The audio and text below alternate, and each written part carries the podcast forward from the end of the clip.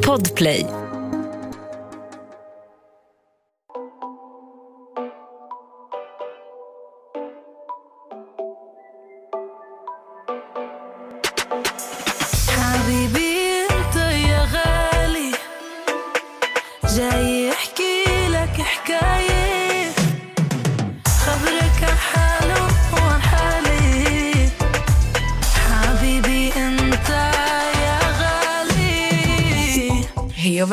Välkomna till ett nytt avsnitt.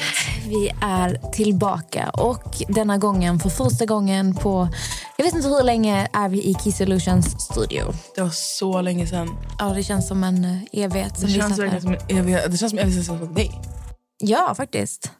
Du har ju varit borta. Ja, och förra veckans avsnitt blev värsta kaosen. Men jag och Robin löste det. Jag hoppas att vi eh, underhöll er. Folk, alltså jag har fått jättefin respons efter. De har bara skrattat. Robin är ju en intressant uh, filur. Ja, det är han ju. Han är väldigt rolig att lyssna på. Väldigt. Ska jag inte ljuga. Hade du det bra i Spanien? Jättebra faktiskt. Det var så skönt att komma bort. Som ni vet så var jag borta i Spanien eh, och eh, bara njöt. Du har varit i, den där, i det där hemmet sedan du var typ sex år. Ja, typ varje sommar. Nu var det första gången på typ fyra år som jag var där. Så det var verkligen så här... Ah. Och jag ville absolut inte åka hem för att jag, jag känner mig så hemma där. Och jag har inget barndomshem kvar. Alltså, där jag växte upp med mamma finns inte kvar. Eh, så att, att komma till Spanien där det finns så mycket minnen. Det känns så hemma och det känns mer hemma än vad det gör i min lägenhet. Ja. Och därför tror jag, för jag är som person, jag fäster mig vid ställen. Och så, jag, kan inte, jag har så svårt att släppa taget. Jag kan tänka mig. Jag mår typ dåligt att åka därifrån. Men du, för du och Max var ju där. Din mamma var ju också där. Ja, men hon var inte i huset. Eller hon sov en natt hos oss, men hon bodde på hotell. Hon, I och med att ingen hade varit i huset på två år så var det väldigt mycket arbete att göra. Min mamma pallade inte det. Nej. Jag fick ta den istället. Nu är du en vuxen kvinna, så nu var det din och Max tur att sköta hushållet. Mm, det som känns så sjukt, man bara, nu vet jag vad min mamma och muster fick göra varje år när vi kom dit. Allt det får jag göra nu liksom. Men det, det var nice, gick jättebra. Och ja, kanske åker dit snart igen. tycker jag låter som en bra idé. Jag har inte gjort ett skit, jag har bara varit hemma och jobbat. Om du undrar. Det var ingen som frågade. Men idag är vi ju inte ensamma i studion. Vi har med oss vår efterlängtade gäst som jag har pratat om i typ, hur många avsnitt har jag fem nämnt? avsnitt. Jag tror du har sagt fem gånger bara, nästa avsnitt, nästa avsnitt. Ja, men vi har ju inte fått till det för att den här, den här människan det är ju en människa som gör world tours. Välkommen Johannes! Tackar, tackar. Alltså vet du, vi har längtat efter att ha dig här. Jag också kan jag säga. Ja. Och alltså det här jag menar med World Tour, så att ni som lyssnar fattar. Han, eh, han, du är överallt och ingenstans. Japp, Och fullbokad nästan eh, 100% av din tid. jajamän. Berätta lite om dig själv. Vad gör du och vem är du? Vad jag gör är jag är hantverkare, om man säger så. Frisör. Mm. Eller har varit. Och nu är jag färdigutbildad massör och livscoach. Eller certifierad livscoach. Fan vad kul. Och vad är en livscoach? Tänk dig psykolog blickar ju bakåt. På din, alltså i barndomen. Får, gräver in där. Men livscoach, vi blickar bara framåt. Det är bara framåt. Mm. Hur man... Alltså hur du går når dina mål och allt framåt istället för att blicka bakåt som många gör. Alltså jag kan tänka mig det är typ så här... Om du typ har ett problem, hur man tacklar sina problem. Hur man ska resonera och se på saker och ting från ett annat perspektiv. Typ. Exakt. Visst är det så? Mm. Mm. För du, det är ju du som har färgat mitt hår. Till alla som undrar och alla som har frågat om mina, mitt ljusa hår i fram. Det är Johannes som har gjort det. Alltså gud, den, alltså den dag, okay, vi ska inte ens prata om den dagen jag kom till dig. Jag hade varit vaken i typ 48 timmar. Alltså jag somnade på solen. Men skitsam. Det är en annan historia. Jag som somnade i stolen. Nej, alltså jag somnade så. Ja. Sittandes. Eh, jag tänker ju så här att... Eh, för när jag var hos dig och eh, färgade mitt hår så pratade du om att du lyssnade på vår podd. Mm. Och vi gick in lite på... Jag var ju så jävla trött den här dagen. Men jag minns vad vi pratade om. Men jag var ju inte... Alltså jag var ju närvarande men jag var, min hjärna var ju inte där. Nej. Men jag minns ju att du pratade om eh, att du har fått typ... Vad säger man? Alltså, du, du har ju typ fått en bild av mig och Amelia. Ja, Ja, På sättet vi pratar på, hur vi har hanterat situationer och såna här saker. Och eh, jag tycker att vi ska börja med vad för bild du... Alltså är det bild man ser eller vad vad är det? Är, är det rätt? ja, det är typ en bild man ser framför sig. Ja. Okej, men då är vi jättenyfikna på... Och höra vad en livscoach, hur en livscoach uppfattar oss genom podden. För du, du, du tar ju in information på ett annat sätt Ja, kanske gud, än ja. vad... Sen så era Instagram också. Åh gud, nu blir jag nervös. Han bara, ho. Nej. Jag skojar. Okej, vi, bör- vi, okej, börja. Kör. Du kan börja med vem som helst. med, eh, ska jag börja med Amelia? Amelia sitter närmast dig, så vi kan börja med Amelia. Nej, alltså, det går alltid tillbaka till barndomen. Alltid. Vad man än gör. Det är din grund. Och det jag har hört mycket dig prata, Amelia, om det som har varit i ditt liv Mm. är mycket att du saknar en sak. Och det sa du nu också innan i, i introt. Om att du inte har någon plats, en trygghet. Mm. Har inte du? Och det är det du måste söka i dig själv. Du får inte någon annanstans. Inte av Max, inte av dina hundar, inte av någonting. Det är där vi kan börja. Och mycket är som du sa ju precis att ja, du har inte en barndomshem, du har inte det. Alltså, det, det enda jag hörde var så här, jag behöver hitta någonstans och hitta mig själv. Det var det enda jag hörde. Jag hörde inget annat. Så det, är- det är mycket det som går tillbaka och sen får man gå och gräva i... Nu är det, som, nu är det jag som psykologen. Nej, alltså förstår man det här med, med barndomen så kan du, led, så kan du leda dig i rätt riktning utan att du blir irriterad. Som nu med bara att folk säger att du är så bitter. Mm. Det tror jag inte på. Alltså, människan är inte bitter. Problemet är bara att du tacklar problemet dig själv. Du vet inte hur du ska hantera folks problem som blir dina problem. För du blir för sympatisk istället för empatisk. Ja. Du tar till dig allt. Alltså allt. Du suger för att du tror att det är det som kommer rädda dig. Fast ängeln i, alltså djävulen, ängeln som man har i sig. Djävulen tar ju in allt och sen blir det bara negativt. Men din ängel inom dig säger att det är fel, det är fel. Så du blir arg på dig själv, så det går ut på alla andra. Gud, det var en sjukt bra tolkning. Det var mycket bättre än jag förväntade mig. Jag bara, shit. Han har synat dig. shit. Så det, det är samma sak med om jag går in så lite hårt. Men bara att du kallar en person i podden nu för bananen. Egentligen är du arg på dig själv. Att du tillät ett beteende, inte honom. Man, man blir bara arg på folks beteende, inte människan. Så du tillät en, ett beteende som du inte kan radera från tv. Det var ingen som sa till folk i reality-tvn att den här baksidan finns. Och 95 procent av alla som söker till reality, vi söker ju inte storhet egentligen genom att de ska bli kända. De söker någonting som inte finns inom dem för att de tror att det är från folket de ska få det. Men det är från folket de får ju hat. Bekräftelse. Ja, det också. Så det är det att det går alltid tillbaka till två grejer som vi inte får som barn. Det är antingen kärlek eller bekräftelse. Mm. Bara de två grejerna. Jag känner Så- mig som en öppen bok just nu. Så egentligen så måste du börja ifrågasätta dig själv. Vad är det jag, jag egentligen vill? Vad vill jag med det här? Mm. Alltså, för- förstår du? du? Du måste börja sätta dig själv och fråga varför blir jag sur på vissa grejer? Var, varför hamnar jag där? Så du har bara dig själv att prata med, ingen annan egentligen. Mm. Jag har ju sagt väldigt länge att jag behöver gå till en psykolog. Jag det i podden också. För att jag vet om att det finns mycket inom mig som jag behöver typ gräva fram. För, alltså, jag vet ju om att jag, jag eh, sväljer väldigt mycket och sen när bägaren rinner över så blir jag fruktansvärt arg. Men det är bara vissa saker som får mig dit. Och då är frågan varför blir jag så arg Exakt. på det här och det här och det här och varför reagerar jag inte på det här och det här och det här. Ja. Jag har ju många av mina klienter, inte säga fel, kunder, klienter som ringer mig. Det kan vara att jag coachar dem. Sen kan det vara att, så ett, ett halvår framåt, att det kan gå en månad, så ringer de mig så här, fem minuter, ställer en fråga, pratar, jag frågar tillbaka, kommer fram till en lösning, sen bara lägger de på.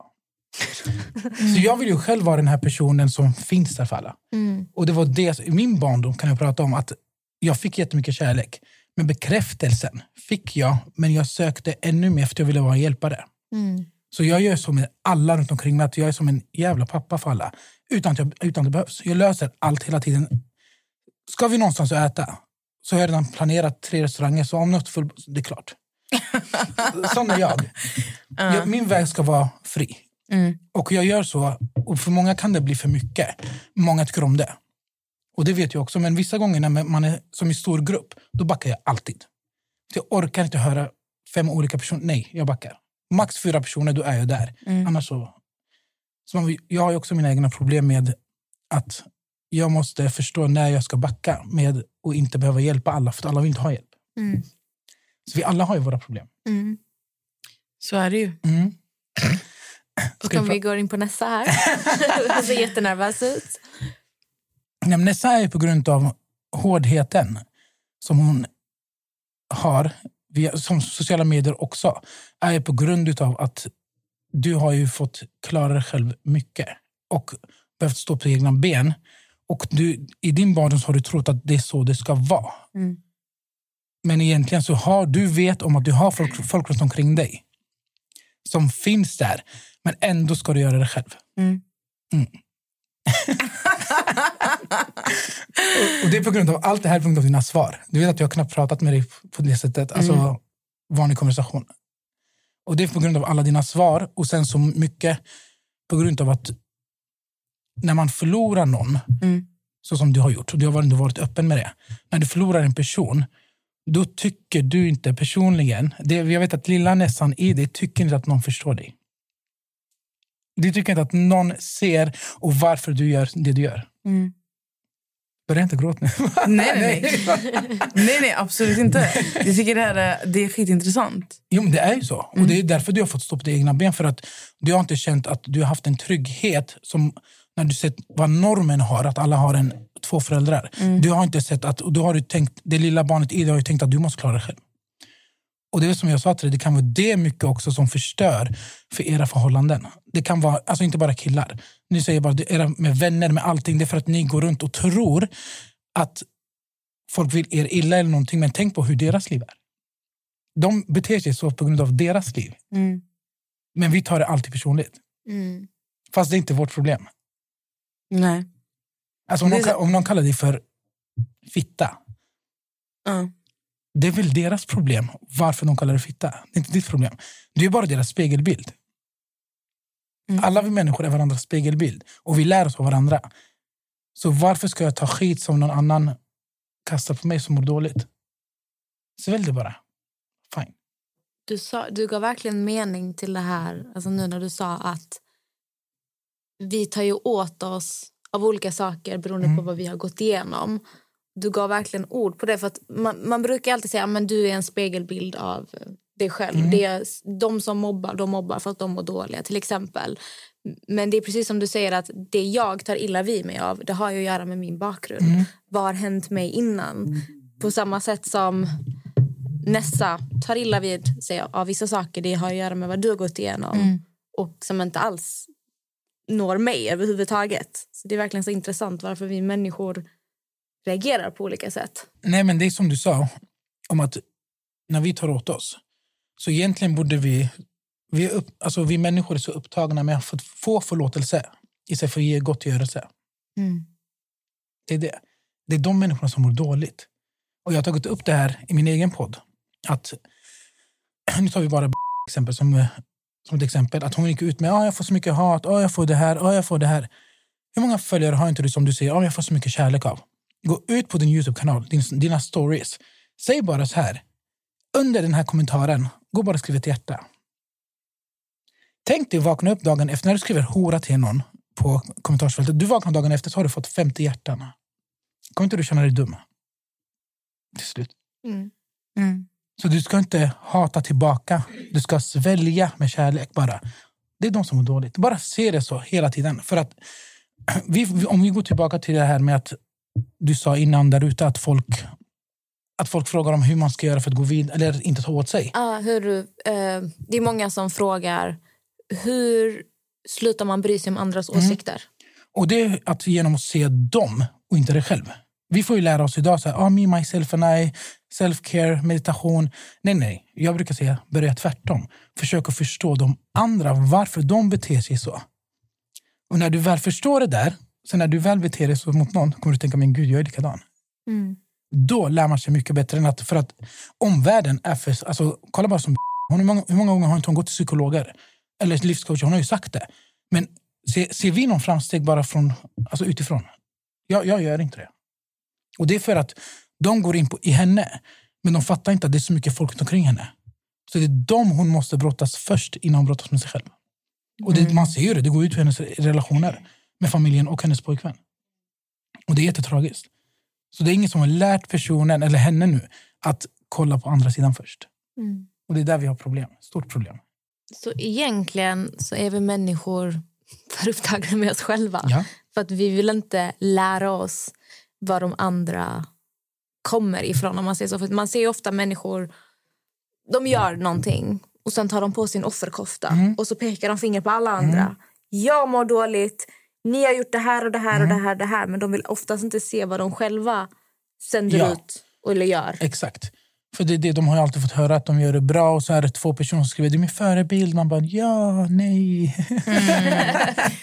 Nej, men någonting som jag kan tänka på i, i just det här ämnet är att ofta typ om man hamnar i alltså, dispyter med någon eller så här, man tjafsar med någon eller vad som helst. Alltså, man kan bara höra typ vänner, den ena vännen är trött på den andra vännen. Mm. Okej? Men jag vet att människor är så fruktansvärt dåliga på att reflektera över sig själva. Och de är då, alltså man är väldigt dålig på att alltså se sig själv och vara så här, okej, men vad har jag gjort i den här situationen? För att det är klart att jag, man, man tror ju alltid att jag har gjort allting rätt. Men jag, man har ju förmodligen gjort allting rätt för sig själv och inte för den andra personen. Eller förstår ni vad jag menar? Men jag kan sätta ett, en mening på det du skulle, eller ett ord på det du vill säga. Det kanske, du, ställ den frågan till personen som säger det är inte mitt fel. Du kan säga det, okej, det var inte ditt fel, men vad var din del i det hela? Mm. Utan det hade inte blivit någonting. Eller hur? Mm. Då får de en tankeställare. Det behöver inte vara rätt eller fel, för det finns inget rätt och fel. Men om de vill tro att det finns rätt, låt det vara så. Ah, du har rätt, men vad var din del i det hela? Mm. Då brukar de stanna upp och okej. Och behöver tänka. För jag har ju mycket parterapi, alltså coachar mycket par. Mm. Och de får ju prata sin historia. Och det slutar alltid med, eller börjar alltid med en fråga som får båda bara bli helt lugna till slut. Bara, fan. Och så får de tänka om. Och det är alltid att, vill ni ha rätt eller vill ni ha förändring? Mm. För det finns inga rätt och fel egentligen. Nej, så är det ju. Förutom när jag kommer till dig eller din bil eller hem till dig. Du kanske inte vill att jag går in med skor, men du vill att jag går in med skor. Men då har du rätt i det hela, för det är ditt. Men att ha rätt och fel i sak är inte sant. Nej, för att rätt för mig kanske är fel för dig. Mm, exakt.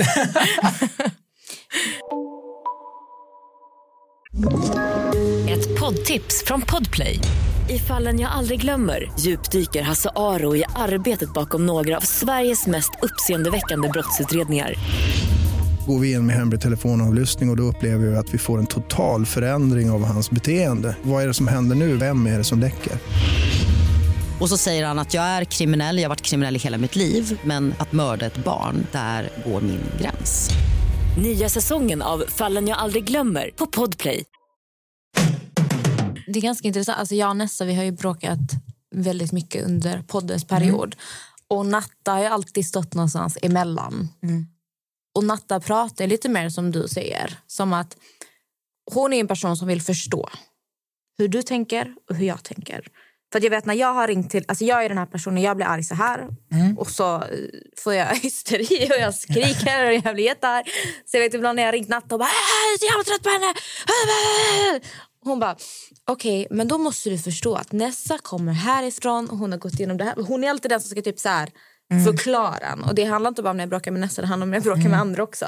Men hon, alltså, hon är inne på lite det spåret som du Ja. pratar om. att du måste förstå varför hon funkar så här och du funkar så här. Och när du gör så så blir det så här. Och det är som när du agerar så här Amelia, det är samma sak som den här personen gör. Och man blir nästan arg för att man vet ju om att det stämmer. Fast man vill typ inte Ja. Jag vill inte växa, jag vill inte lära mig. Lite så är i den situationen. Men hon är ju lite inne på, som Johannes pratar om. ja, men det har jag hört att Natta, alltså jag har hört också att hon är mer, lite mer pedagogisk än vad ni är. Mm. Mm. Hon är äldre också. Hon är tio år äldre än dig Nessa. hon är åtta år äldre än mig. Så det kan, kanske åldern Det har, mycket har ålder. åldern mycket mer. Ja, och sen tror jag också att hon blev mamma ganska tidigt. Ja. Också. Att, och sen så fick hon klara sig själv.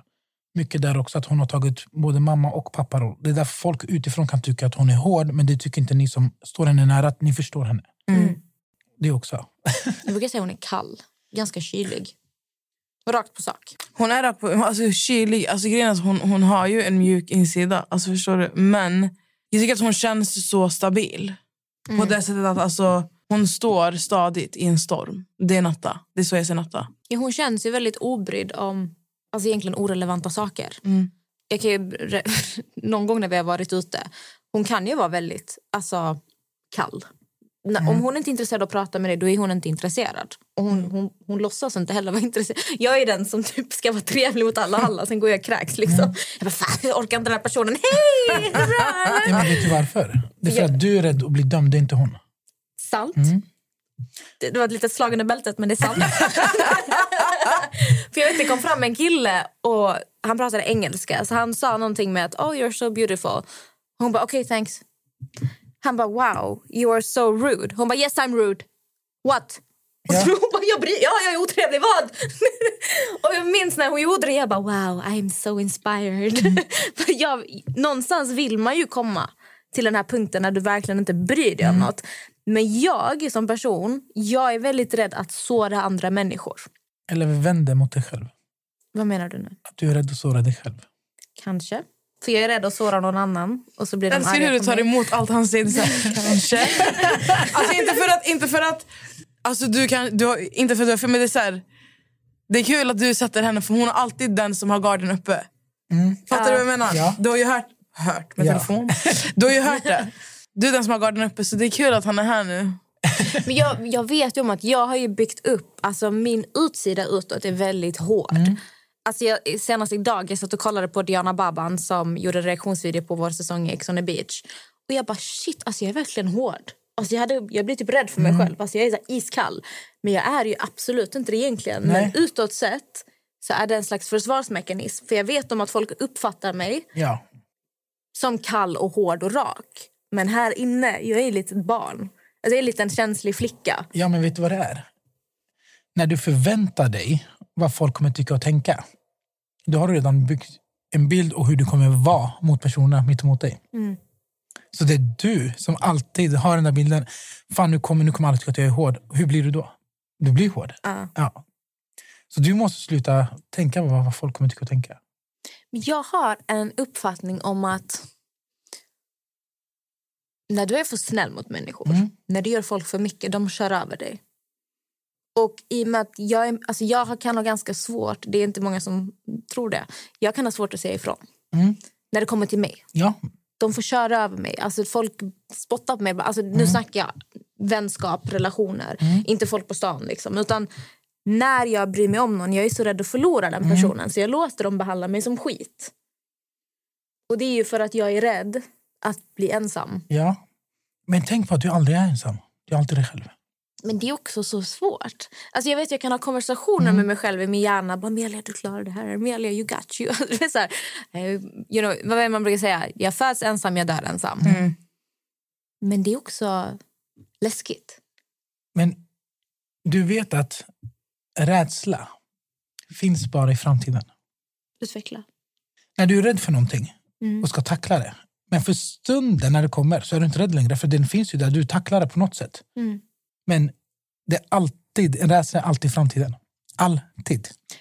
Och vi människor vi går ju ofta och oroar oss över saker som faktiskt aldrig inträffar. Ja. Alltså det är framtid, dåtid. Hela tiden. Det är aldrig nuet. Man blir paranoid. Det Mm. vet jag nästan du också har pratat mycket om i podden. Att man övertänker så mycket saker och sen ligger du där och har så mycket ångest. Du vet inte vad du ska ta vägen för i ditt huvud så har alla de här scenarierna satt igång och hjärnan kan ju inte riktigt skilja på eh, när en fara är på riktigt Mm. eller när du har ångest. Och därför din puls går upp, eh, du får svårt att andas och det, helt plötsligt så tror din kropp att den ska ut i strid. Ja. För att i din hjärna så pågår det ett krig just nu och det är att du har övertänkt en situation och du har gått så djupt i den. Men Alltså, det var ju som den gången Exakt. jag låg hemma ensam. Ehm, Nu minns jag inte exakt vad som hade hänt. Men Du det, det, gick var, igenom mycket saker. ja, det var mycket som pågick i mitt liv. Och jag bara satt och övertänkte en situation. Ett, alltså, och det här, den här situationen alltså, den gav mig scenarion som alltså, aldrig skulle hända. Men du fick ju typ dödsångest. Ja, alltså jag, du fattar inte hur jag var. Så jag ringer ju henne och pratar med henne. För det här var också en grej som jag hade berättat för henne, alltså bara för henne. Och jag, var så, jag blev så här, jag började få för mig att nu kommer Amelia berätta för den här och sen kommer jag gå till den här och sen kommer jag gå till den här. det, du hade berättat en sak för mig i förtroende. Och Det kändes bra för stunden, men när du åker därifrån så börjar din hjärna säga till dig Tänk om Amelia berättar för den här personen Mm, och så säger den här personen till den personen och så säger den till den och sen vet den här personen vad jag Alltså, har ska sagt. se mina sms, först mina sms till henne. Kommer du ihåg? Alltså, nej. Alltså, det, min hjärna, jag, är en, jag är ju en, en övertänkare. Alltså, jag, jag jobbar ju skitmycket med mitt övertänkande. Jag försöker verkligen sysselsätta mig med saker, alltså utbilda mig själv när jag övertänker. Typ sätta på TED-talks eller kolla på Youtube-klipp där, eller så här, SVT Play, typ skogsbränder. Alltså, jag, kan- jag kan allt om skogsbränder. Bara för jag sätter, alltså, ni fattar inte. Och det är bara för att om jag sätter på en serie, då sitter jag ändå och tänker. Alltså när man sätter på en serie bara. Men när du sätter på någonting som är intressant då, alltså, då, lägger, då lägger jag mitt fokus på det jag kollar på. Men typ som den här gången, alltså, jag, jag visste inte... Det var som att jag blev paral, alltså, paralyzed. Alltså, jag var helt... Jag, ring, alltså, jag var så ny, jag var så galen. Alltså, min hjärna... För mig det var så här, alltså, det var liv eller död. På riktigt alltså. Men nästa gång, innan du skulle berätta för henne, skulle jag bara säga till dig, har du en plan B? Om hon skulle berätta. Men jag vet, alltså grejen är, jag, jag, jag, fattar när du ställer den frågan nu. Men jag vet också för mig själv, alltså jag kan ju bara tala för mig själv just nu, att när jag har hamnat där, min hjärna funkar inte. Alltså min, min hjärna, alltså fokuset, det går inte att skifta fokus. Så, alltså även om jag vill tänka på något annat eller så här, okej skitsam, om det händer, det händer, vad som än händer.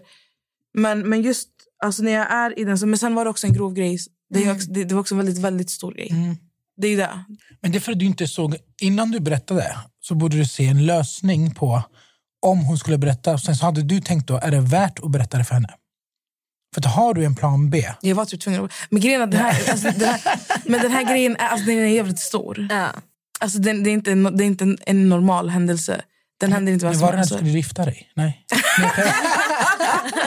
Ja, jag sprang från. Nej, men alltså, det är så här, den här händelsen, alltså, det händer inte. Alltså, Nej. det, händer, det händer inte. Eller alltså, så här, det händer inte vem som helst. Det är inte många som går igenom något sånt. Nej, det, är no- det var en ovanlig situation. Men om vi vänder frågan så här, för jag tror att väldigt många som lyssnar det är ju ett problem vi, alla råkar ut för någon gång. Övertänk som ger ångest, rädsla. Hur ska du hantera... Alltså när det här händer, nu är vi Nessa. Nessa börjar få ångest för att shit, jag har sagt det här till Amelia. Tänk om hon, hon bygger upp värsta scenarierna. Hur ska man tackla den här ångesten? Det finns två sätt jag vet om man ska få bort en ångest ordentligt. Det är bada kallbad. För att få bort, alltså hjärnan måste ju tänka på att det, måste bli varmt. Då får du bort det där. Eller suga in i ett sugrör bara tills du nästan stryper hjärnan flera gånger om. Så bara blåser ut och gör samma sak. För du, du tröttar ut hjärnan. Och det är enda sättet att lugna ner dig först innan du kan börja tänka. Som hon sa, eller hon, som nästa sa, att det går inte att tänka när man är där. Så du måste få bort den där ångesten först. Så antingen kallbad eller suga in i För sugrör. visst, det måste ju ha med eh, ser man, det neurologiska nervsystemet. Mm, neurologiska, det, ja, ja. det är ju att eh, det kickar igång. För din hjärna förbereder sig för strid, Strid, ja. och den ser ju inte skillnad Nej. Mm. om det är en björn som är framför dig eller om det är ångest. Utan vår puls går upp, vi har svårt att andas. Det är det man först måste lugna. Lugna först, ja. ja. Innan man kan Innan börja du kan börja tänka. tänka. Ja. För det går inte annars. Det är verkligen obehagligt vad ångest gör Mm. med en. Eh, Jag är ju själv en övertänkare. Jag läste en bok. Jag tror han som har skrivit den är en livscoach. Eh, Han är från England eller någonting. Jag kommer inte ihåg vad han heter. Han är en sån här super survivor, klättrar i berg och allt möjligt. Eh, Wim Hof? Nej? Jag vet. Okej, jag kommer inte ihåg vad han heter. Men han pratar mycket om rädsla i sin Ja. bok. Och Han berättar när han har klättrat i berg och hur man tacklar den här rädslan. För han sa det att rädsla är egentligen det mest onödiga vi har. Det är bra på ett sätt att kroppen liksom förbereder sig. Men rädsla är ju det som sätter stopp och hindrar dig från att göra så mycket saker i ditt liv som verkligen kan förstöra för dig. Och Han pratade om att när du känner den här ångesten eller rädslan, låt oss säga att jag, jag ska hålla ett eh, framträdande eller en föreläsning och jag, när man känner att man bara, "Åh, gud, jag, kom, jag kommer svimma. Då sa han att man ska se framför sig att du går in i en bubbla och du håller andan. Du ska se det här med ögonen och så är det i bubblan. Och sen spräcker du bubblan. Alltså du ska typ se det framför dig. För han pratade mycket om att det hjälpte honom att ta sig igenom så här sjuka saker. Att du ska se det framför dig, att du går in i bubblan, du håller andan. Sen är du på andra sidan, då är det borta. Men det där är ju, för jag förstår det där. Det är som jag sa i början, att det är jättebra att man börjar med sig själv och allting. Men det, vi måste gå tillbaka till varför vågar vi inte? Jag har alltid två frågor. Jag frågar mig själv varför och hur. Hur ska jag tackla det? Hur ska jag göra det här? Hur, hur? Och sen så, varför gjorde den personen så? Varför är jag rädd för det här? Varför vill inte jag göra det här? Varför tog inte jag steget? Det är så många gånger jag så här, ska jag gå fram? Ska jag inte gå fram? Och sen så bara när det blir för sent, varför gick inte jag fram? Det är alltid det Ja, varför och gjorde jag då, inte och det? då, går jag alltid tillbaka till mig själv. Varför gick inte jag fram? Så nu med rädslan, det kan vara bara att din mamma har bett dig vara tyst hela tiden du ska prata. Så att du ska, tyst, tyst. Sen, sen du var liten, du vågar inte prata framför alla i klassen. Och det är sånt inte vi minns Mm. som barn. Tills vi går tillbaka, för det är alltid de närmsta kretsen inom 0 till 7 år som du formas som barn. Arv och miljö, Mm. Exakt. psykologi 1. Alltså det här är så, det är så galet. Jag tänker på, jag har fått så mycket frågor på min frågestund som jag hade i natt. Där folk har skrivit att de inte har, alltså de har inte hittat någonting att leva för. De är så här, ja, det är så många som har skrivit, jag vill inte dö, men jag har inte hittat någonting att leva för. Vad hade du svarat på en sån? På en Jag, sån? jag har velat skriva till dig många gånger när du ger svaret på vad meningen med livet är. det ska, det, för mig, Ja, det är att göra livet till en mening. ja. Men för mig är redan att sen, sen du föds så är det en mening. Det där, ja, men jag, jag förstår dig, men det jag brukar säga till alla, för det är bara dig själv du har i ditt liv och ingen annan du ska leva för. Så du brukar säga meningen med livet är att du ska vara en bättre människa än vad du var igår för varje dag som går. Mm. Du har bara dig själv att tävla mot ingen annan. Så om jag mår bajs idag, hur vill jag må imorgon? Och sen, hur vill jag må efter det? Och sen så om jag har ett mål, ja, igår hade inte jag mål, idag har jag mål. Förstår du att du ska bara bli bättre människa för varje dag som går i, di- i ditt eget liv. Och titta inte in i andras liv. Och små steg hela Mm. tiden. Det är meningen med livet. För vid små steg det kan ju vara att idag ska jag bädda sängen. Ja, något du inte gjorde igår. Mm. För att vill man nå till ett mål snabbt, målet är ju att dö. Vill man då må, nå dit så jävla snabbt? Nej. Det lät så sorgligt. Målet är att dö. ja, men vi alla, har, alla vi har samma mål, det är att dö. Ja, Det är Så- det enda vi vet Ja, 100% kommer så att ske i varför livet. inte bara bli bättre person än vad du var igår för att kunna göra det bättre runt alla, alla andra runt omkring dig också? Ett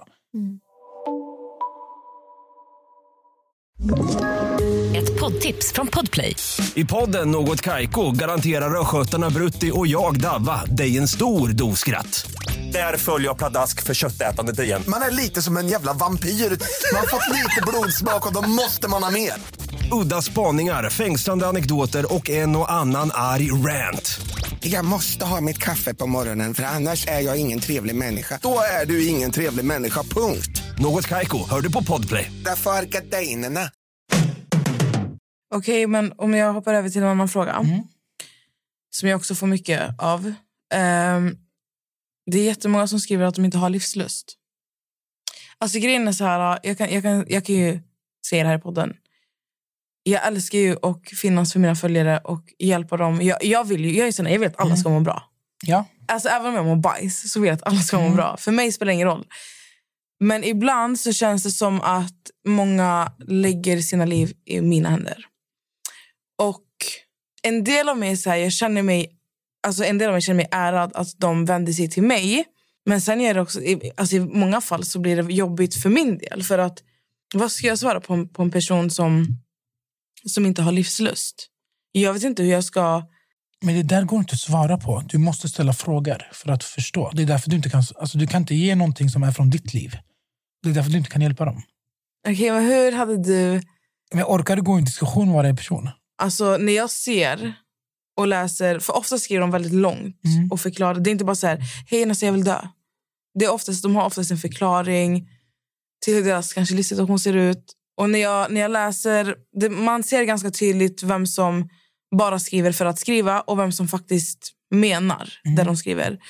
Och eh, när jag får känslan, sen kan jag, man kan inte bedöma allting på text, men när jag känner att den här personen är seriös, då svarar jag. När jag ser det såklart. Det, är ju, det, är också, alltså det är också svårt för mig att se allting. Eh, och då har jag konversationer med personerna fram tills jag vet att de har hittat en lösning eller de kanske sökt hjälp eller pratat med någon vuxen eller pratat med en anhörig eller pratat med... Ja. Och grejen är, alltså det som är, det som är ehm, alltså svårt för mig i såna här situationer det är att det är inte... Alltså det är mycket yngre men det är också väldigt, väldigt mycket äldre personer som skriver till mig. Mm. Folk som är äldre än mig. Förstår du? Så, så ibland blir jag så här... Jag vill hjälpa dig, men jag vet inte hur. Men jag kan finnas här för dig och pusha dig till att söka riktig hjälp. Men jag vet inte hur jag ska finnas mer än, mer än det jag gör. Men må många idag skriver ju till dig på grund av att du når till så mycket folk och har sån makt. Förstår du? Jag gillar när jag säger makt. Alla söker ju till folk. Alla söker ju till de som har makt. De tror ju i deras hjärna att du kommer trolla fram någonting. Förstår du? Att du har löst så mycket. Hon är känd och framgångsrik. Hon har svaret på allt. Ja. Ja. Så de vill ju nå dig för att du ska bara ge det till dem. Mm. Och de som bara vill ha, och det går ju tillbaka för de har bara fått. De har inte fått ett nej till deras liv. Så de söker sig till alla, de skriver. Det är så många som har skrivit, som du lägger upp också, att många skriver till dig att de vill nå framåt. Hur ska de göra? Vad ska de göra? Och det är för att de aldrig får tagit beslut själva tror jag, Mm. när de är små. Det går ju som sagt, som jag sa till Amelia också, det går ju tillbaka till barndomen. Så, Ja. så det du kan göra är att, som du säger, finnas där, men du kommer inte kunna rädda dem så som de vill bli räddade. Mm, om, om poäng, alltså, jag tror nästan att du tar åt dig väldigt mycket. Alltså, du känner ett behov att jag måste prata med dig tills jag vet att du mår bra. Så, nu går jag vidare till nästa. Alltså jag känner ju att vissa... Det var som jag sa, alltså de lägger sina liv alltså, i mina händer. Och det är som typ det här fallet när det var en tjej som skrev till mig. Hon hade tagit en överdos och hon skrev till mig. Och först jag var så här... Ah, okej. Okay. Så jag ringer till min vän som är ambulanssjuksköterska. Jag bara, den här, alltså hon har tagit det här och det här. Vad ska jag göra? Och hon bara, min vän. Hon bara, så nästan du, du kan inte bära alltså, dina fötter på dina axlar. Alltså, det går inte. Jag bara, okej, men nu är det så här. Nu har hon lagt sitt liv i mina händer. Alltså nu har hon gjort det. Och, hon, och då sa min vän, hon bara, men tänk om, tänk om hon bara alltså, ljuger för att få din uppmärksamhet. Jag var så här, men okej, men då, alltså, då gör jag det jag kan göra. Även om det är fake eller inte. Är det inte fake, då, har jag, då kanske jag räddat hennes liv. Alltså, jag var så här, alltså där och då, det, det finns inget annat för mig än att bara rädda den här personen. Och eh, Jag gjorde allt i min makt som jag kunde. Och Jag sa till den här följaren att eh, jag var i kontakt med en sköterska som är min vän. Så det, var liksom, det, gick igenom, alltså det gick igenom mig. Från henne till alltså, min vän som är sjuksköterska. Och sen visade det sig att det var sant. För den här tjejen skickade livebilder till mig. Sen när hon åkte ambulans, när hon var inne i sjukhuset. Hon fick alltså, magpumpas och massa olika grejer. Jättefint. Och då var jag så här, okej, det finns faktiskt folk där ute som faktiskt skriver till mig på riktigt och behöver på riktigt hjälp. Men får jag fråga dig en sak? Vet, känn- Kände du att du inte fick den hjälpen eller när du var liten? När du väl behövde Det- hjälp? nej, alltså det, ja, mm, det är ju det är där, det är det jag alltid så här, har sagt i alla fall till mig själv. Jag vill ju kunna finnas, eller kunna vara den personen jag hade behövt. Exakt. Jo, det, är det. ja. det är själv du vill hjälpa, det är ingen annan egentligen. Det, jag tror inte, ja, jag vet inte, är det mig själv jag vill hjälpa? Jag tror inte det är mig själv jag vill hjälpa. Du är en spegelbild av dig själv. Jag vet inte om det är mig själv jag vill hjälpa. Utan jag är bara så här, um, jag känner att jag har kommit så pass långt i mitt liv. Ja, inte nu. Du vill hjälpa den lilla nästan Ja. som, är din, som, som inte förstod bättre. Exakt. Mm. Alltså jag vill ju kunna... Jag vill kunna vara den personen jag själv hade behövt. Så att, ja, det är väl förmodligen lilla Nessa jag vill, jag vill hjälpa. Fast mycket, ni är tre systrar va? Mm. Och, och är man tre barn eller fler, alltså det här är jättekul. Äldsta barnet blir oftast martyr, alltså tycker synd om sig själv, offerkofta. Ni hatar mig alla, det är varför jag är äldst. Eller så blir de alltså, trotsiga, säg, nu tar vi det krasst, men eh, Ett kriminell. Mm. Äldsta barnet. Alltid. Alltså antingen martyr eller andra hållet. Mittenbarnet känner sig aldrig sedd och hörd. Och bara finns där ah, och blir trotsig. Alltså mycket i familjen. Mm. Och yngsta barnet känner sig oftast i vägen. Alltså fast de är bortskämda allting så känner som de sig alltså oftast vad heter i vägen. För alla. Och det är det jag tror att du är som mittenbarnet. Du var ju kanske den trotsigaste. Ja. Mm. Jag är ju svarta fåret i familjen, Ja. brukar man säga att jag är. Så det stämmer ju. Um, sen vet jag inte, den äldsta, min storesyster har alltid varit en ängel. Ja, men det är det också. Hon ska vara sedd och hörd av mamma och pappa. Så, ja, jag finns hon där. har alltid varit ängel. Ja. Och lilla syster är ju bebisen i familjen. Mm. Det spelar ingen roll om hon är längst, hon är bebis. Ja. Så ja, det, men det är sant. Och jag... Ja, Jag Jag tror var ju- ditt problem mycket är nästan också att du vill hjälpa alla men du måste förstå att det går inte. Alltså du jobbar inte som livscoach eller du är ingen psykolog. nej, men alltså det, Men fast det, går. Nej, det går Fast inte det går. Det går inte Nessa. Det går Jo. inte. Nej, det går Kan, inte. alltså, jag, kan inte, jag kan inte rädda allihopa. Men jag kan ju hjälpa. Genom bara, bara av att finnas där så kan jag ju bara... Alltså, jag hjälper ju bara av att finnas där. Jag kan inte rädda någon. Ja, men problemet för dig själv blir väl att ska du sitta där och läsa av varenda människa du skriver med hur, jag kan inte tänka mig hur mycket tid det måste ta. Hur många timmar det tar. Men det tar mycket timmar och sånt. Men, ja, men var, var, var tar du vägen i det här? När har du tid att prioritera dig själv och vad du behöver göra istället för att finnas där för alla andra hela tiden? men jag gör ju det oftast tider som jag inte gör något speciellt. När du kanske borde sova egentligen. För alla vet att du sover väldigt dåligt. Men tänk på att vi har 24 timmar på ett dygn. Den tiden du lägger mobilen. Kan, alltså tänk dig dina nära och kära som verkligen behöver det mer. Men alltså tro mig. Tro mig när jag säger till dig. Alltså jag lägger ner mycket timmar i min telefon. Ja. Men när jag är i sällskap. Beroende på vem jag är med. Om det är tråkigt. Alltså nu kommer alla mina vänner bara, är det tråkigt? Men när jag är i alla fall, när jag när jag är med min familj i alla fall. Då existerar inte min telefon. Mm.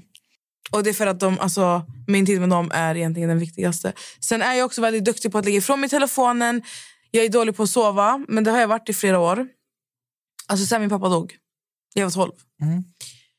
Men jag har, ju, jag har ju fått min rutin. Jag jobbar natt. Jag kommer hem, jag sover fyra fem timmar. Jag är nöjd. Sen lever jag min dag. Se- Och mellan ser du allting- på henne? Man ser på henne direkt att anklaga inte mig. Hon, har fått, hon, har fått, ja, alltså hon står så här bara och sen så hon, nu höjde hon rösten. Tänkte du på rösten också? Det står skyldig i hennes panna också. Det står guilty. Men om Ja. vi bara ska ta idag till exempel. Nessa hämtar upp mig stressad i värsta trafiken. Hon bara, jag har så mycket att göra idag. Jag ska göra det här, det här, det här, det här. Och allting hon ska göra, det handlar om andra människor. Hon ska hjälpa den, hon ska hjälpa den hon ska hjälpa den. Så jag sa det, jag bara, så ditt problem Nessa, det är bara du ska du ska vara överallt hos alla andra hela tiden. Jag sa det verkligen i bilen hit. Jag, bara, jag vet om typ skulle jag sitta i Malmö och ringa och gråta. Hon hade bara, jag kommer nu. Det är så... Det är jättefint Nessa att du är så. Alltså, det är jättefint. Men jag tror problemet för dig själv, för jag vet om att du kan må dåligt i många perioder också, du vet inte alltid varför. Det blir nog också när du inte prioriterar dig själv och typ kanske inre problem som du har som Johannes pratade om. Du tar aldrig tag i dem. För istället ska du sitta och hjälpa alla andra. Så du glömmer bort vilka problem du har här inne. Men jag känner inte att jag har problem. Du har. Och du har problem. Men jag känner inte att jag har det. Vet du vad? Jag tror att som person som du måste gå igenom någon mer grej negativt för att vakna till liv. Förlåt. Jag var ärlig mot dig. Nej. Vi är ärlighet här. Nej, men jag, jag tror personligen, om något händer sen, jag tror att du måste vakna och fatta att oj, tiden springer iväg. Men jag förstår inte vad det är... Alltså vad, vad gör jag inte av min tid? Jag, tror, jag tror att det får tiden visa själv när du väl hamnar i andra situationer. Alltså jag kan säga så här, jag har aldrig känt mig så typ hemma i mig själv som jag gör nu. Faktiskt. Och det är ju också för att jag har kommit mycket närmare min tro. Alltså förstår ni? Det är allt sånt här. Alltså att jag... För mig känns det, det känns rätt. Och sen jag vet, jag finns för alla och jag hjälper alla och sånt. Men alltså det är ju någonting som får mig att må bra. Ja, men då ska du fortsätta med det. Alltså det, det är någonting som... Liksom, Det kanske är ditt kall i livet. det är det. Jag vill ju hjälpa människor. Mm. finnas där. Men glöm inte bort dig själv. Fast det är jag jävligt bra på att inte göra. Alltså på riktigt. Om det är någon jag prioriterar så är det fan mig själv. Jag, och Johannes kollar på varandra och bara... Mm. Känner att det här är en attack mot mig. Nej, nej, men det, det, får vara, det får vara ditt sätt att se det på. Det är inte vårt Okej, men hur ser du det på? Vad, vad, vad ser du? Jag ser bara waste of time. Jag vet vad du vill komma in. Du vill, du vill komma in och prata om mitt ex. Nej, nej absolut inte. Eller? Nej, nej, nej, nej. Vill inte du göra det? Jag har redan pratat med dig om det. Nej, tidigare. alltså, för, mig, för mig spelar det ingen roll. Ja, jag, vet inte. Jag, bara, jag, jag, jag typ väntar på att du ska säga att jag gör allt det här för att förtränga vissa saker. Det kan det också vara så. Alltså, det kan vara så, men jag känner inte dig på det sättet. Nej, fast det är inte så. Denial!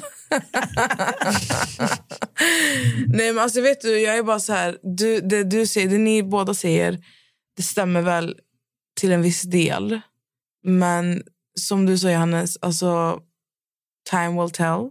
Men tänk på att tid är det dyrbaraste vi har och det värsta vi har. Men Tyvärr. så, sånt där, alltså, om jag ska vara helt ärlig. Sånt där är, någon, alltså, det är någonting som jag redan har alltså, fått uppleva. Mm. Alltså förstår du? Det, det finns många, alltså hur mitt liv ser ut idag. Det har ju, alltså, det är ju på grund av, alltså mycket hur mitt liv ser ut idag är ju också på grund av att jag har fått, alltså min, se min pappa till exempel, alltså tina bort, alltså, alltså bli en, ett litet russin Mm. av cancer. 12 års tid. Förstår du? Så att alltså, jag, har ju, jag vet ju att tid, alltså, tid är ingenting. Eller alltså, tid, tid är allt, men det, är också, det är också ingenting. Exakt. För det kan gå så här fort. Mm. Så att alltså jag, alltså det med tid och sånt, jag vet. Men jag är så här, jag tror det är därför jag är så här, jag lever verkligen dag för dag. Mm. Jag är en människa som, alltså kom inte, det enda jag har planerat i mitt liv är, så det är big slap om ett år. men jag är ingen människa som kan planera, jag kan inte ens planera en vecka framåt. Det, fun- det går inte ihop med min hjärna för jag är alltid så här, man vet aldrig vad som händer. Och det är kanske inte är ett jättesunt tänk heller, men jag är människa, jag lever verkligen dag för dag, timme för timme. Jag är tacksam för varenda minut. Alltså. Det är helt tvärtom. det är därför vi krockar ibland. Ja, jag, alltså, alltså, jag kan ha struktur och jag kan, alltså, det kan, alltså jobb, jag kan ha ett schema. Men alltså, ni förstår väl när jag säger att jag, kan Ja. inte, jag kan inte planera alltså, så lång tid. När någon frågar mig Åh, vart ser du dig själv om fem år, jag bara, alltså, vet du, bara, jag, bara, om jag le, alltså, bara jag lever så är jag nöjd. Jag vet inte vad jag ser mig själv om fem år. Men som nu, om, du, om någon hade planerat saker åt dig, hade du fått sån panik? Jag Alltså- hade inte fått panik, men jag, jag, får, jag kan inte få visioner. av... Du vet när du, du vet man ska göra någonting. Mm. Man kan få en vision av så här, oh my god, typ, vi ska åka jag, till Grekland. Oh my god, vad kul det ska bli. Bla, bla. Jag kan inte se det framför mig förrän jag är där. Mm. Fattar du? Så det är inte att jag får ingen panik, Nej. ingenting. Men jag får inga visioner, jag, får inga, jag har inga förväntningar, ingenting. Nej, för det där att få panik över såna grejer är ju jobbigt. Det var Mm. därför jag frågar. För det kan ju vara att man känner sig kvävd av folk som ska planera saker åt en. Men du, tro mig, det är ingen som vill Nej, planera åt mig. Nej, nej, det är därför. För att jag, kommer, jag dyker aldrig upp ändå. nej, nej. nej men det, det var därför jag ville fråga bara om det var så. Ett poddtips från Podplay. I fallen jag aldrig glömmer djupdyker Hasse Aro i arbetet bakom några av Sveriges mest uppseendeväckande brottsutredningar. Går vi in med hemlig telefonavlyssning och, och då upplever vi att vi får en total förändring av hans beteende. Vad är det som händer nu? Vem är det som läcker? Och så säger han att jag är kriminell, jag har varit kriminell i hela mitt liv men att mörda ett barn, där går min gräns. Nya säsongen av Fallen jag aldrig glömmer på Podplay. Men Johannes, vad skulle du kunna ge för tips? Alltså jag tror många har ju problem med typ sin planering. Vad, alltså, överlag, alltså det är ju, tid är jättesvårt att få ihop. Jag tänker folk som har barn, som jobbar, som försöker sköta träning. Och, alltså, vet, Varje dag vi är under någon form av tidspress. Vad är ditt bästa tips för att få ihop sitt liv? Jag brukar alltid ha ett citat som säger If you want something, you, you find a way. If you don't, you find the excuse. Alltså vill man någonting så gör man verkligen det. Vill man inte det. Men det vi gör idag är att vi skriver inte ner vad vi verkligen vill göra. Och så kommer saker i vägen och så säger vi så ah, men vi gör det bara för att. Men det, som du sa till nästa också, tänk på dig själv. Du gör inte det för dig själv. Du gör det för någon annan och då börjar du må dåligt för det var inte din planering egentligen. Så det, när du säger så "Ah, men jag har tio grejer gärna, skriv ner dem. Vad är de tre viktigaste? Och så rankar de och så börjar du därifrån. Så kommer du se att... För du kommer att lägga upp schemat efter det där, din dag. Och det som inte får plats, då får inte plats.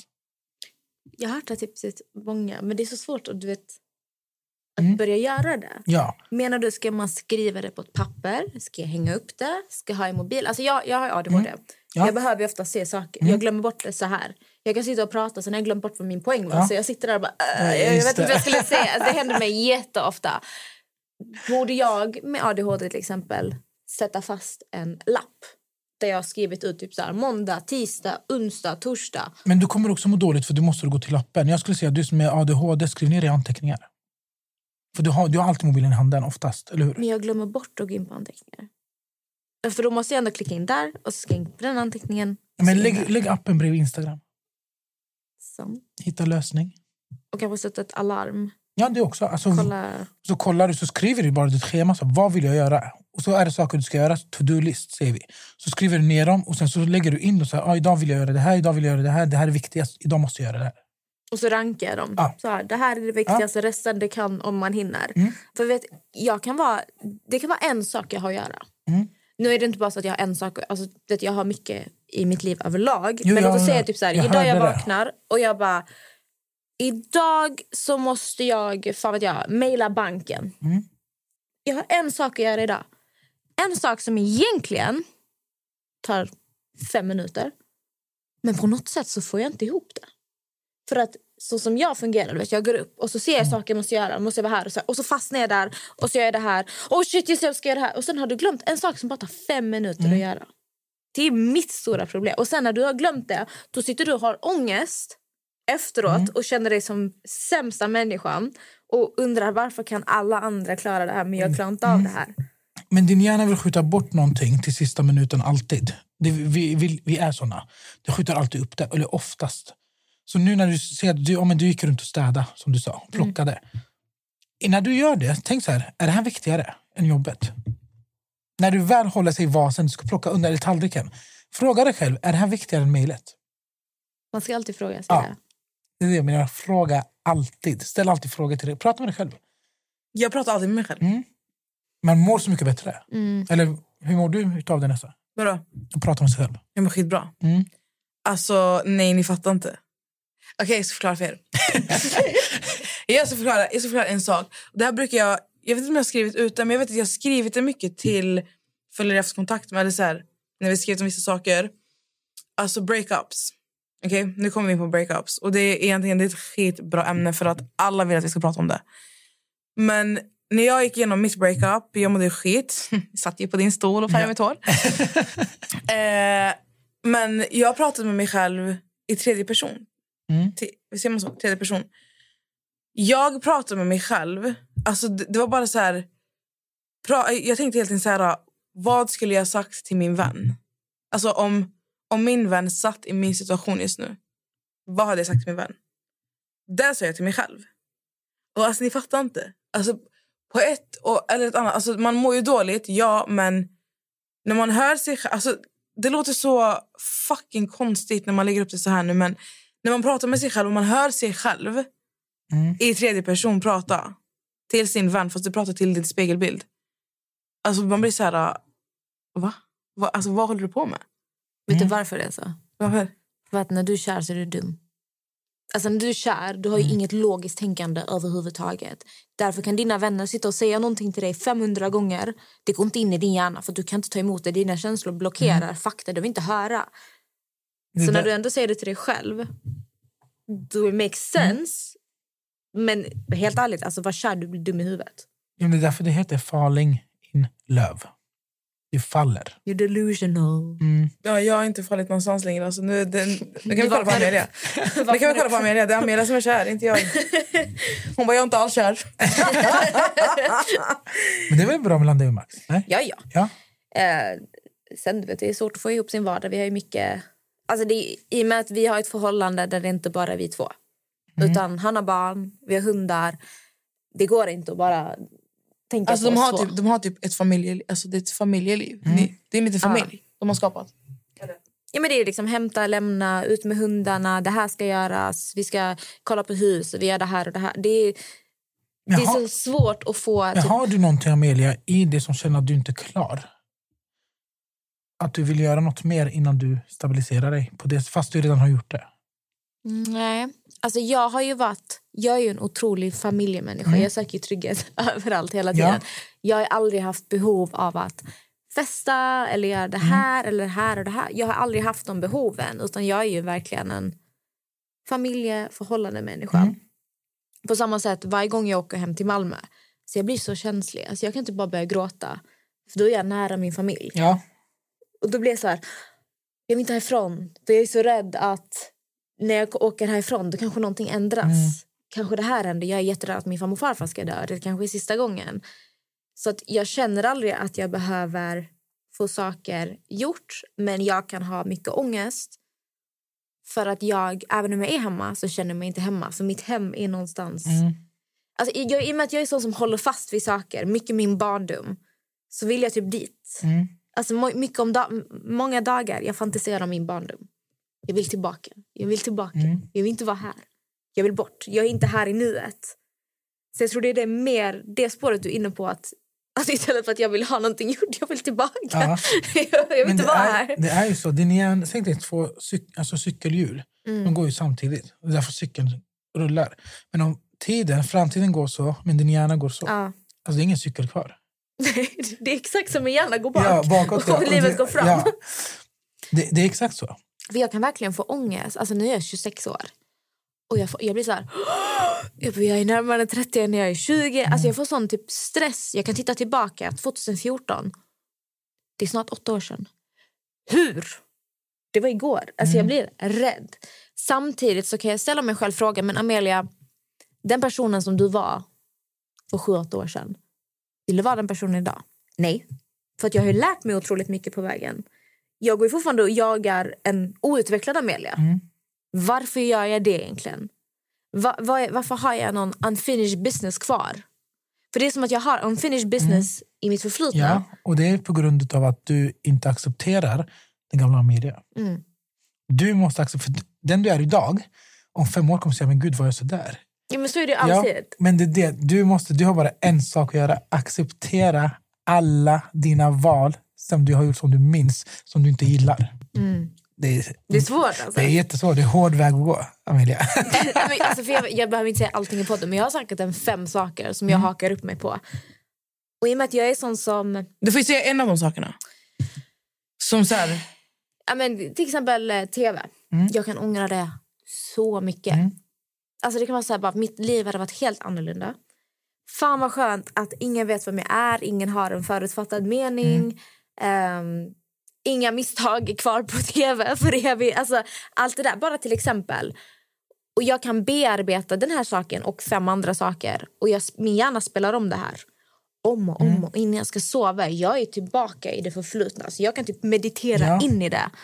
Så att jag är inte närvarande i framtiden. Typ min kille han pratar alltid framtid. Vi ska göra det här, det här, det här. Men någonstans i mig själv så är jag kvar här bak. ja. Och det taskar mot honom också. Ja, det är svårt att bearbeta. Det är därför jag måste gå till psykolog. jag har så svårt att acceptera mitt förflutna. Det var en tjej som skrev till mig något med ångest. Mm. Alltså jag var tvungen att spara det. Du får läsa upp det. Alltså jag skrattade. Jag satt... Oh, Okej, det är en tjej som har skrivit det till dig. Nej, jag skrev till henne. Aha, okej. Ångest är bara en tanke som du inte kan kontrollera för att du inte kan spola tillbaka tiden och ändra på något. Så acceptera det med stolthet, det du gjort och lär dig framöver istället. Puss hej. Puss hej.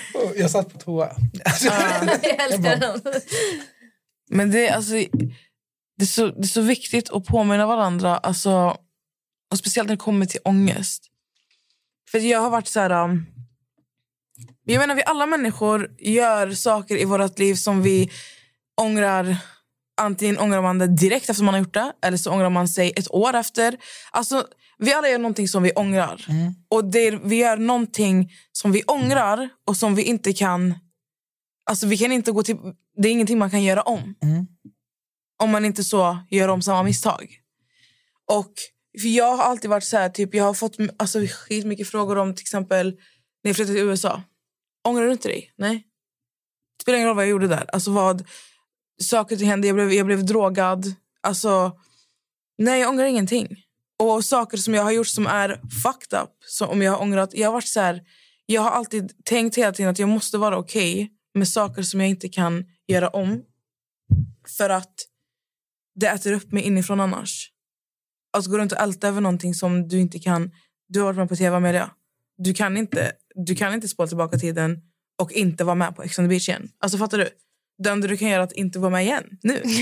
Du får, bara så här, du får vara glad över den tiden och vara så här, okej, jag kanske inte är jätteglad över att jag har varit med på tv. Det är ingenting som du är superstolt över idag. Eller så är du okej. Alltså, du vet, det spelar ingen roll vad du känner idag, men ångra inte det utan se det, se det istället som, jag ska se, se det som en lärdom eller se det som Mm. en styrka.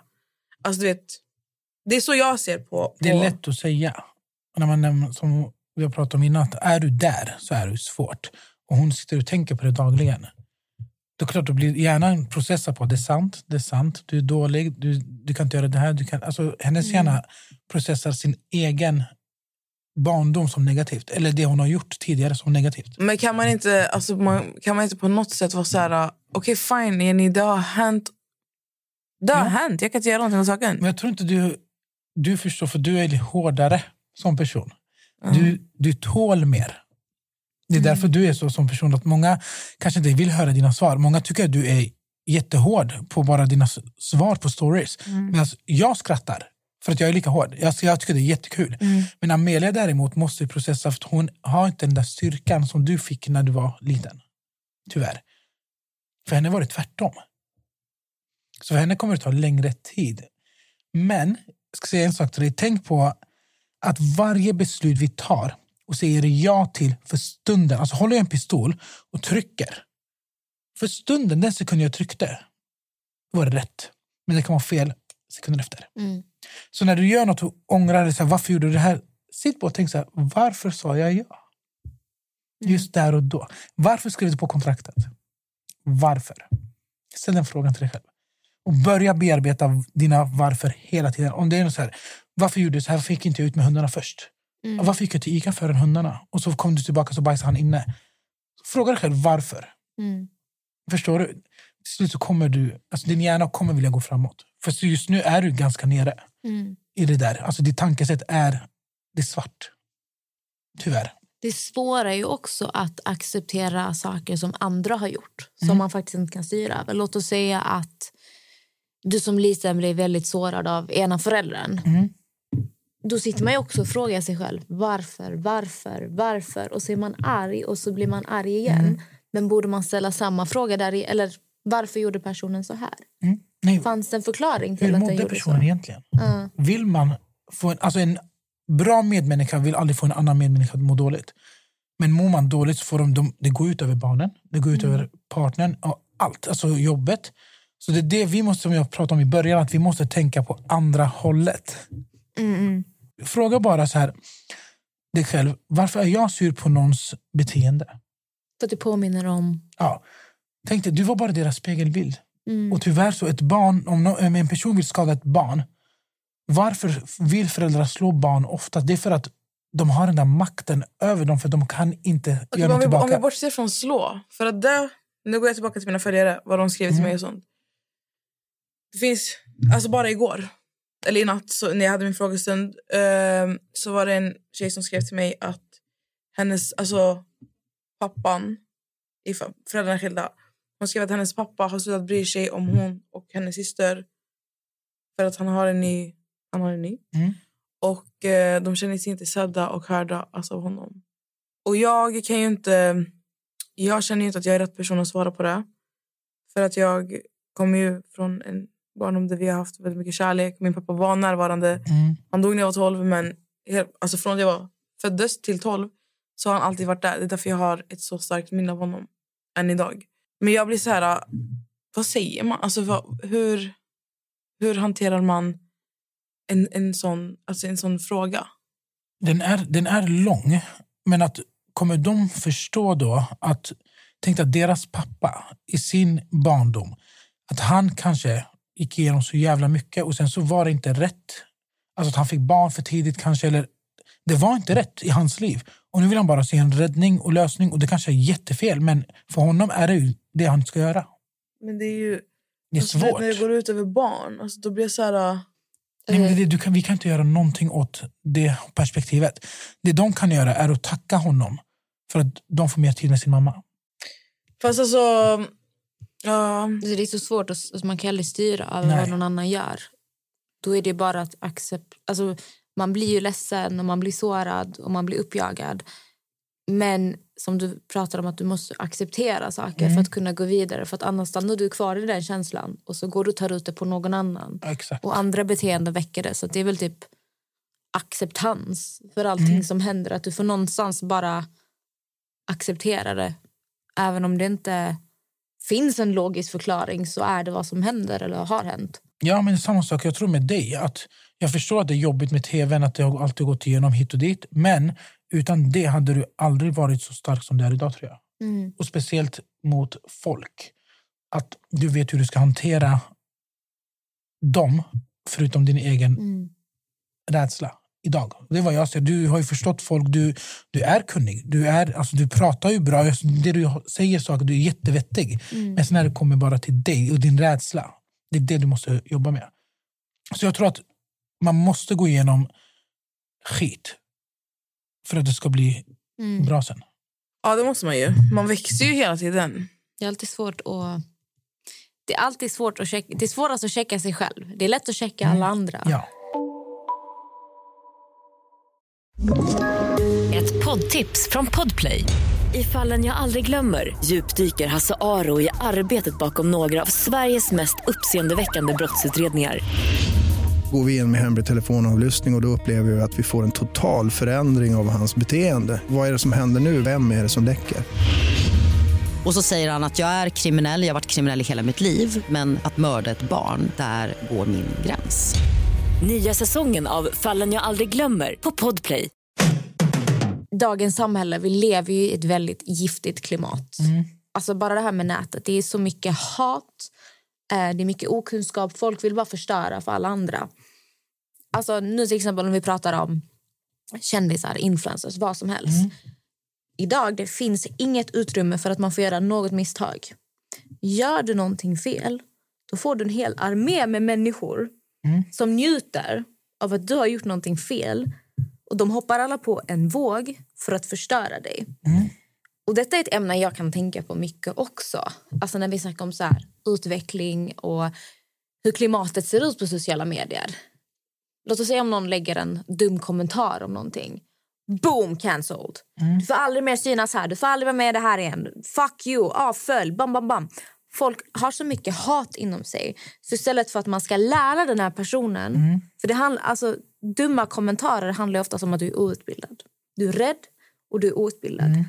Men människor idag de vill inte utbilda dig. De vill bara se dig dö. Och sånt kan skrämma mig också med sociala medier. Alltså jag kan ibland vara livrädd att bara ens uppdatera. Alltså det kan ge mig ångest. Så ibland när vi poddar jag kan få så mycket ångest. För jag bara, tänk om jag råkar Säga något säga något fast jag menar inget men jag kanske råkar göra något och så boom, allt är över, påhoppad. Jag tror många, alltså det är ju ett giftigt klimat nu för tiden och det gör det människor, det är svårt att utvecklas. För att det är så mycket hat. Vi, vi kan inte bara... Vissa saker ska man inte heller acceptera. Alltså man kan inte bete sig hur som helst. Men jag brukar alltid tänka att om du säger någonting dumt och jag säger till dig, men lyssna Johannes, det där var inte bra. Och du bara, vadå? Vem fuck bryr sig? Det är en annan sak. Men om du säger, oj, eh, förl- jag förstår inte, vad har jag gjort? Det finns ju två utgångar där också. Men nu för tiden det finns ingen tolerans för någonting. Men det, det, det speglar ju mycket på hur vi har tillåtit det här ske. Jag vill ju, alltså, någon gång har jag också tänkt på att jag önskar jag var jätteoffentlig. Fast jag inte vill vara offentlig. Alltså, jag önskar jag vore jätteoffentlig för att bara hantera det här. Jag har själv sagt det, jag, bara, alltså, jag, vill, jag vill få hat. Jag, jag vill bara ta det.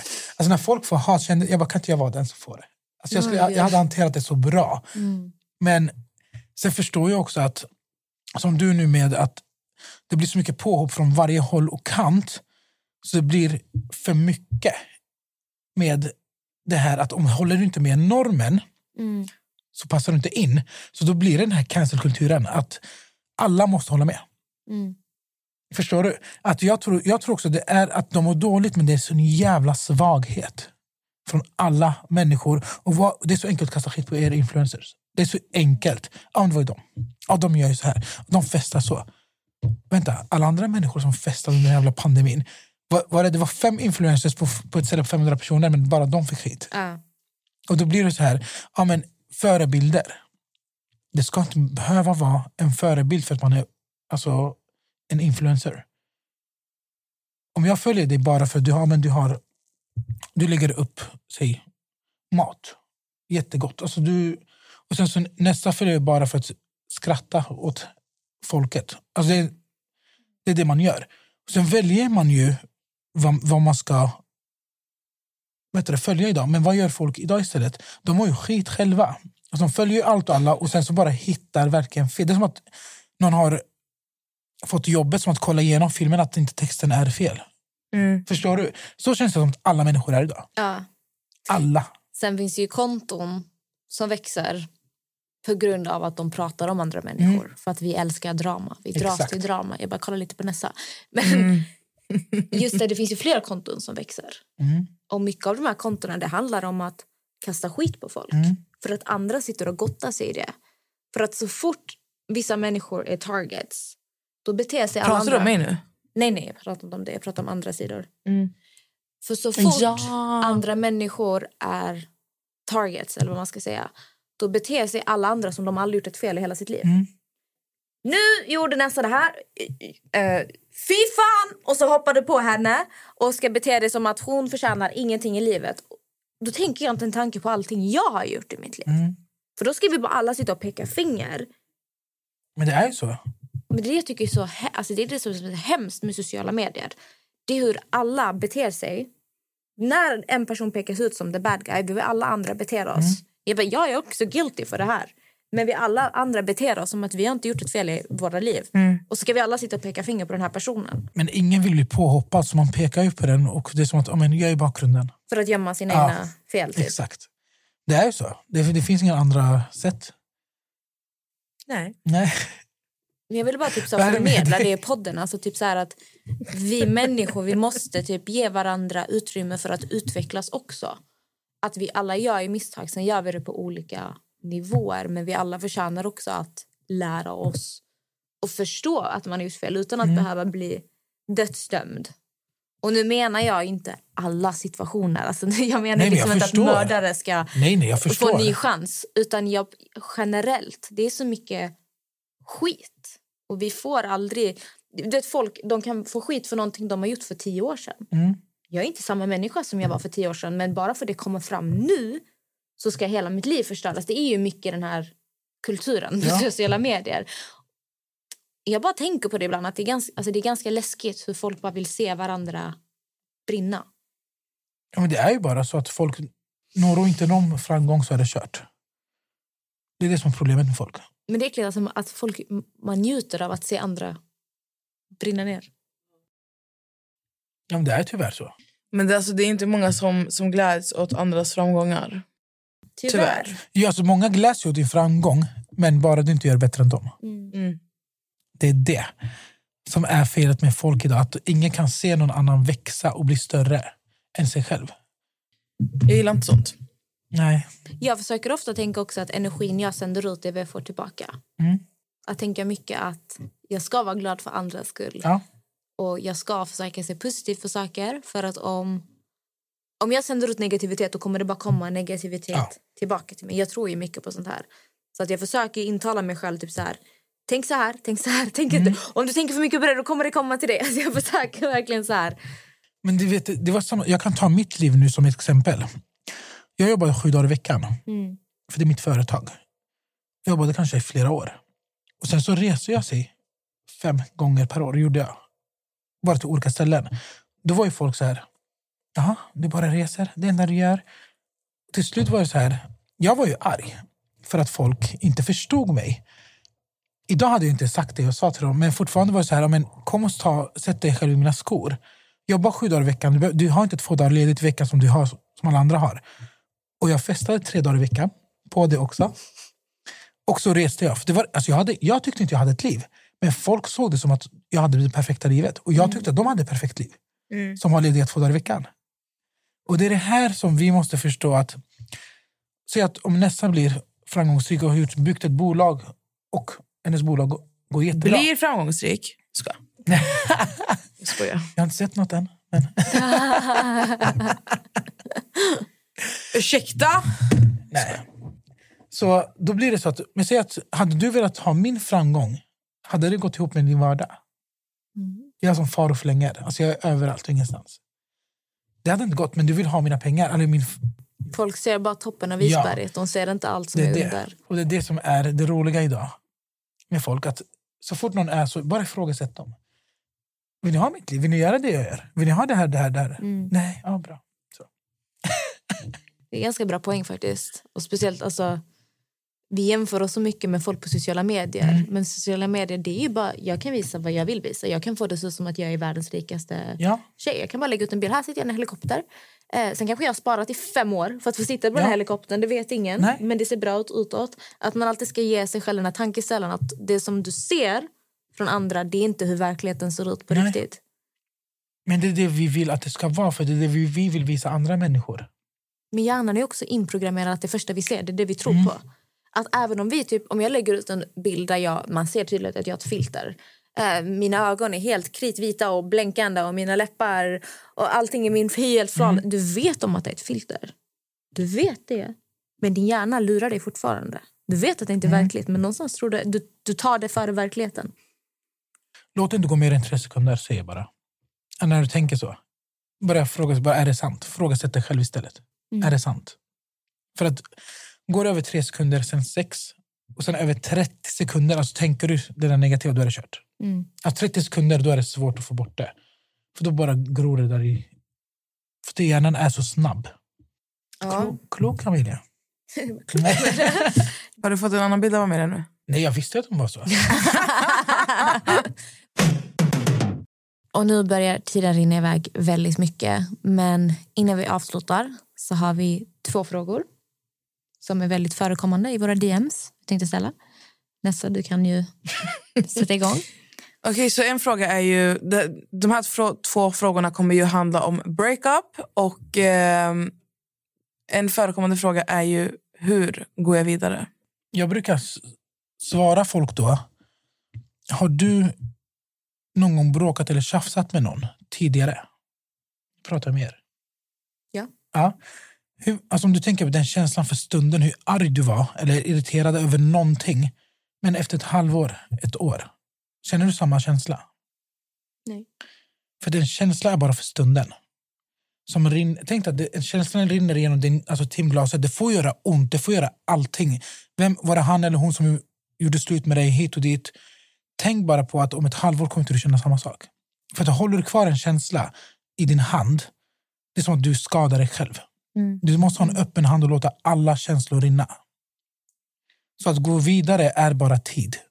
Mm. Men inte försöka falla tillbaka till något du e- egentligen inte vill. Hur ska man hantera om ens partner går vidare direkt? En vecka efter, två veckor efter, är redan ett nytt förhållande. Hur ska du som person hantera det här? Hoppa inte in i personens liv. För det är inte ditt liv.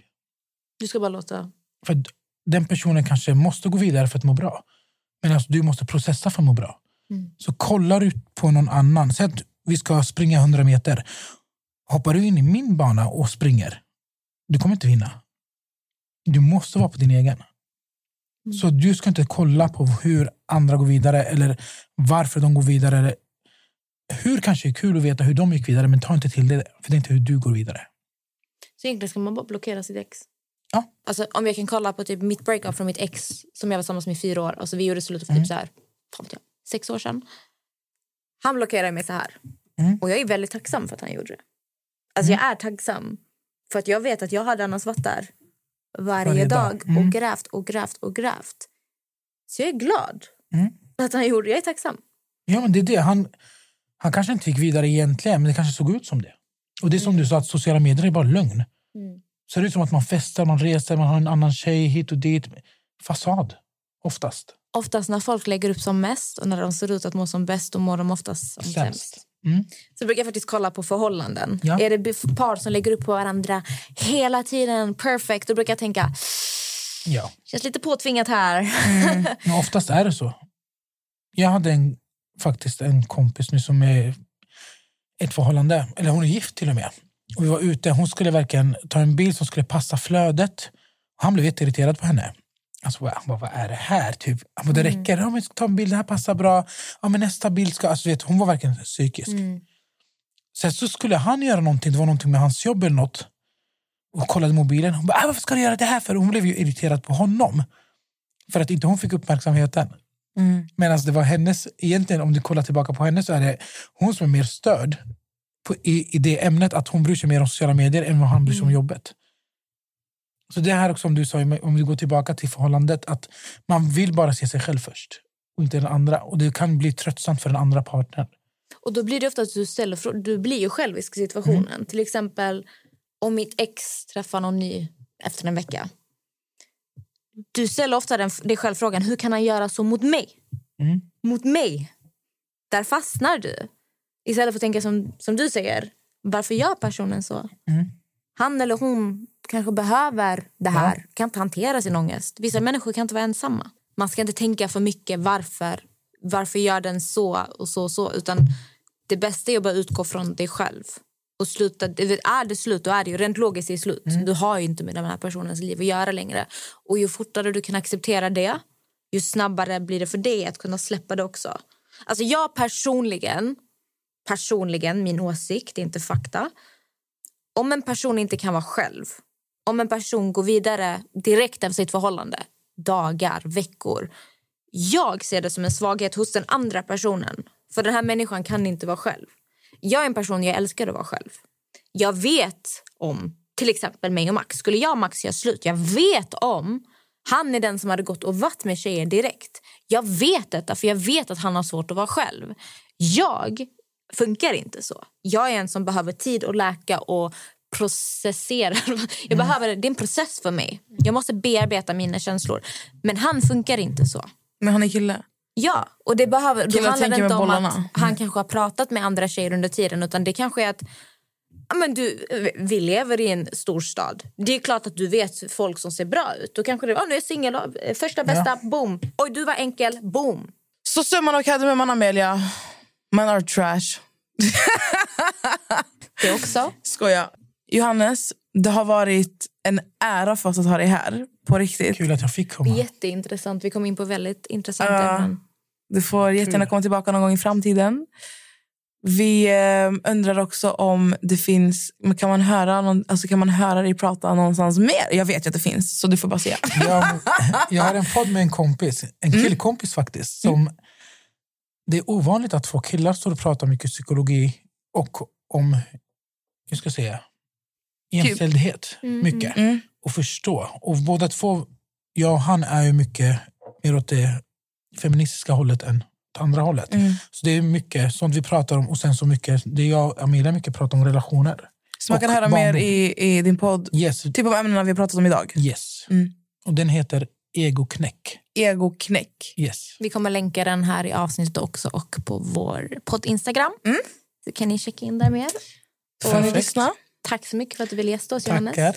Jag får tacka Tack er. så jättemycket. Det har varit så kul. Jag känner att du har Slagit oss under bältet. Ja, alltid, alltså, blottat min själ för hela världen. Ska, nej, men det, har varit, det har varit skitkul. Och du är jätteduktig på det du gör. Och ehm, jag hoppas verkligen vi ses i framtiden. Det gör vi säkert. Ta hand om er så länge så hörs vi om en vecka. Tack så mycket! Bye! Bye.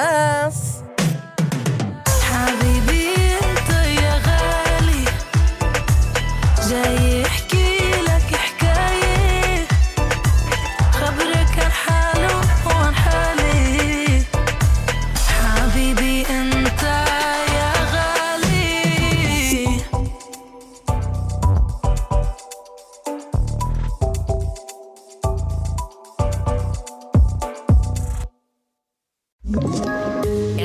Poddtips från Podplay.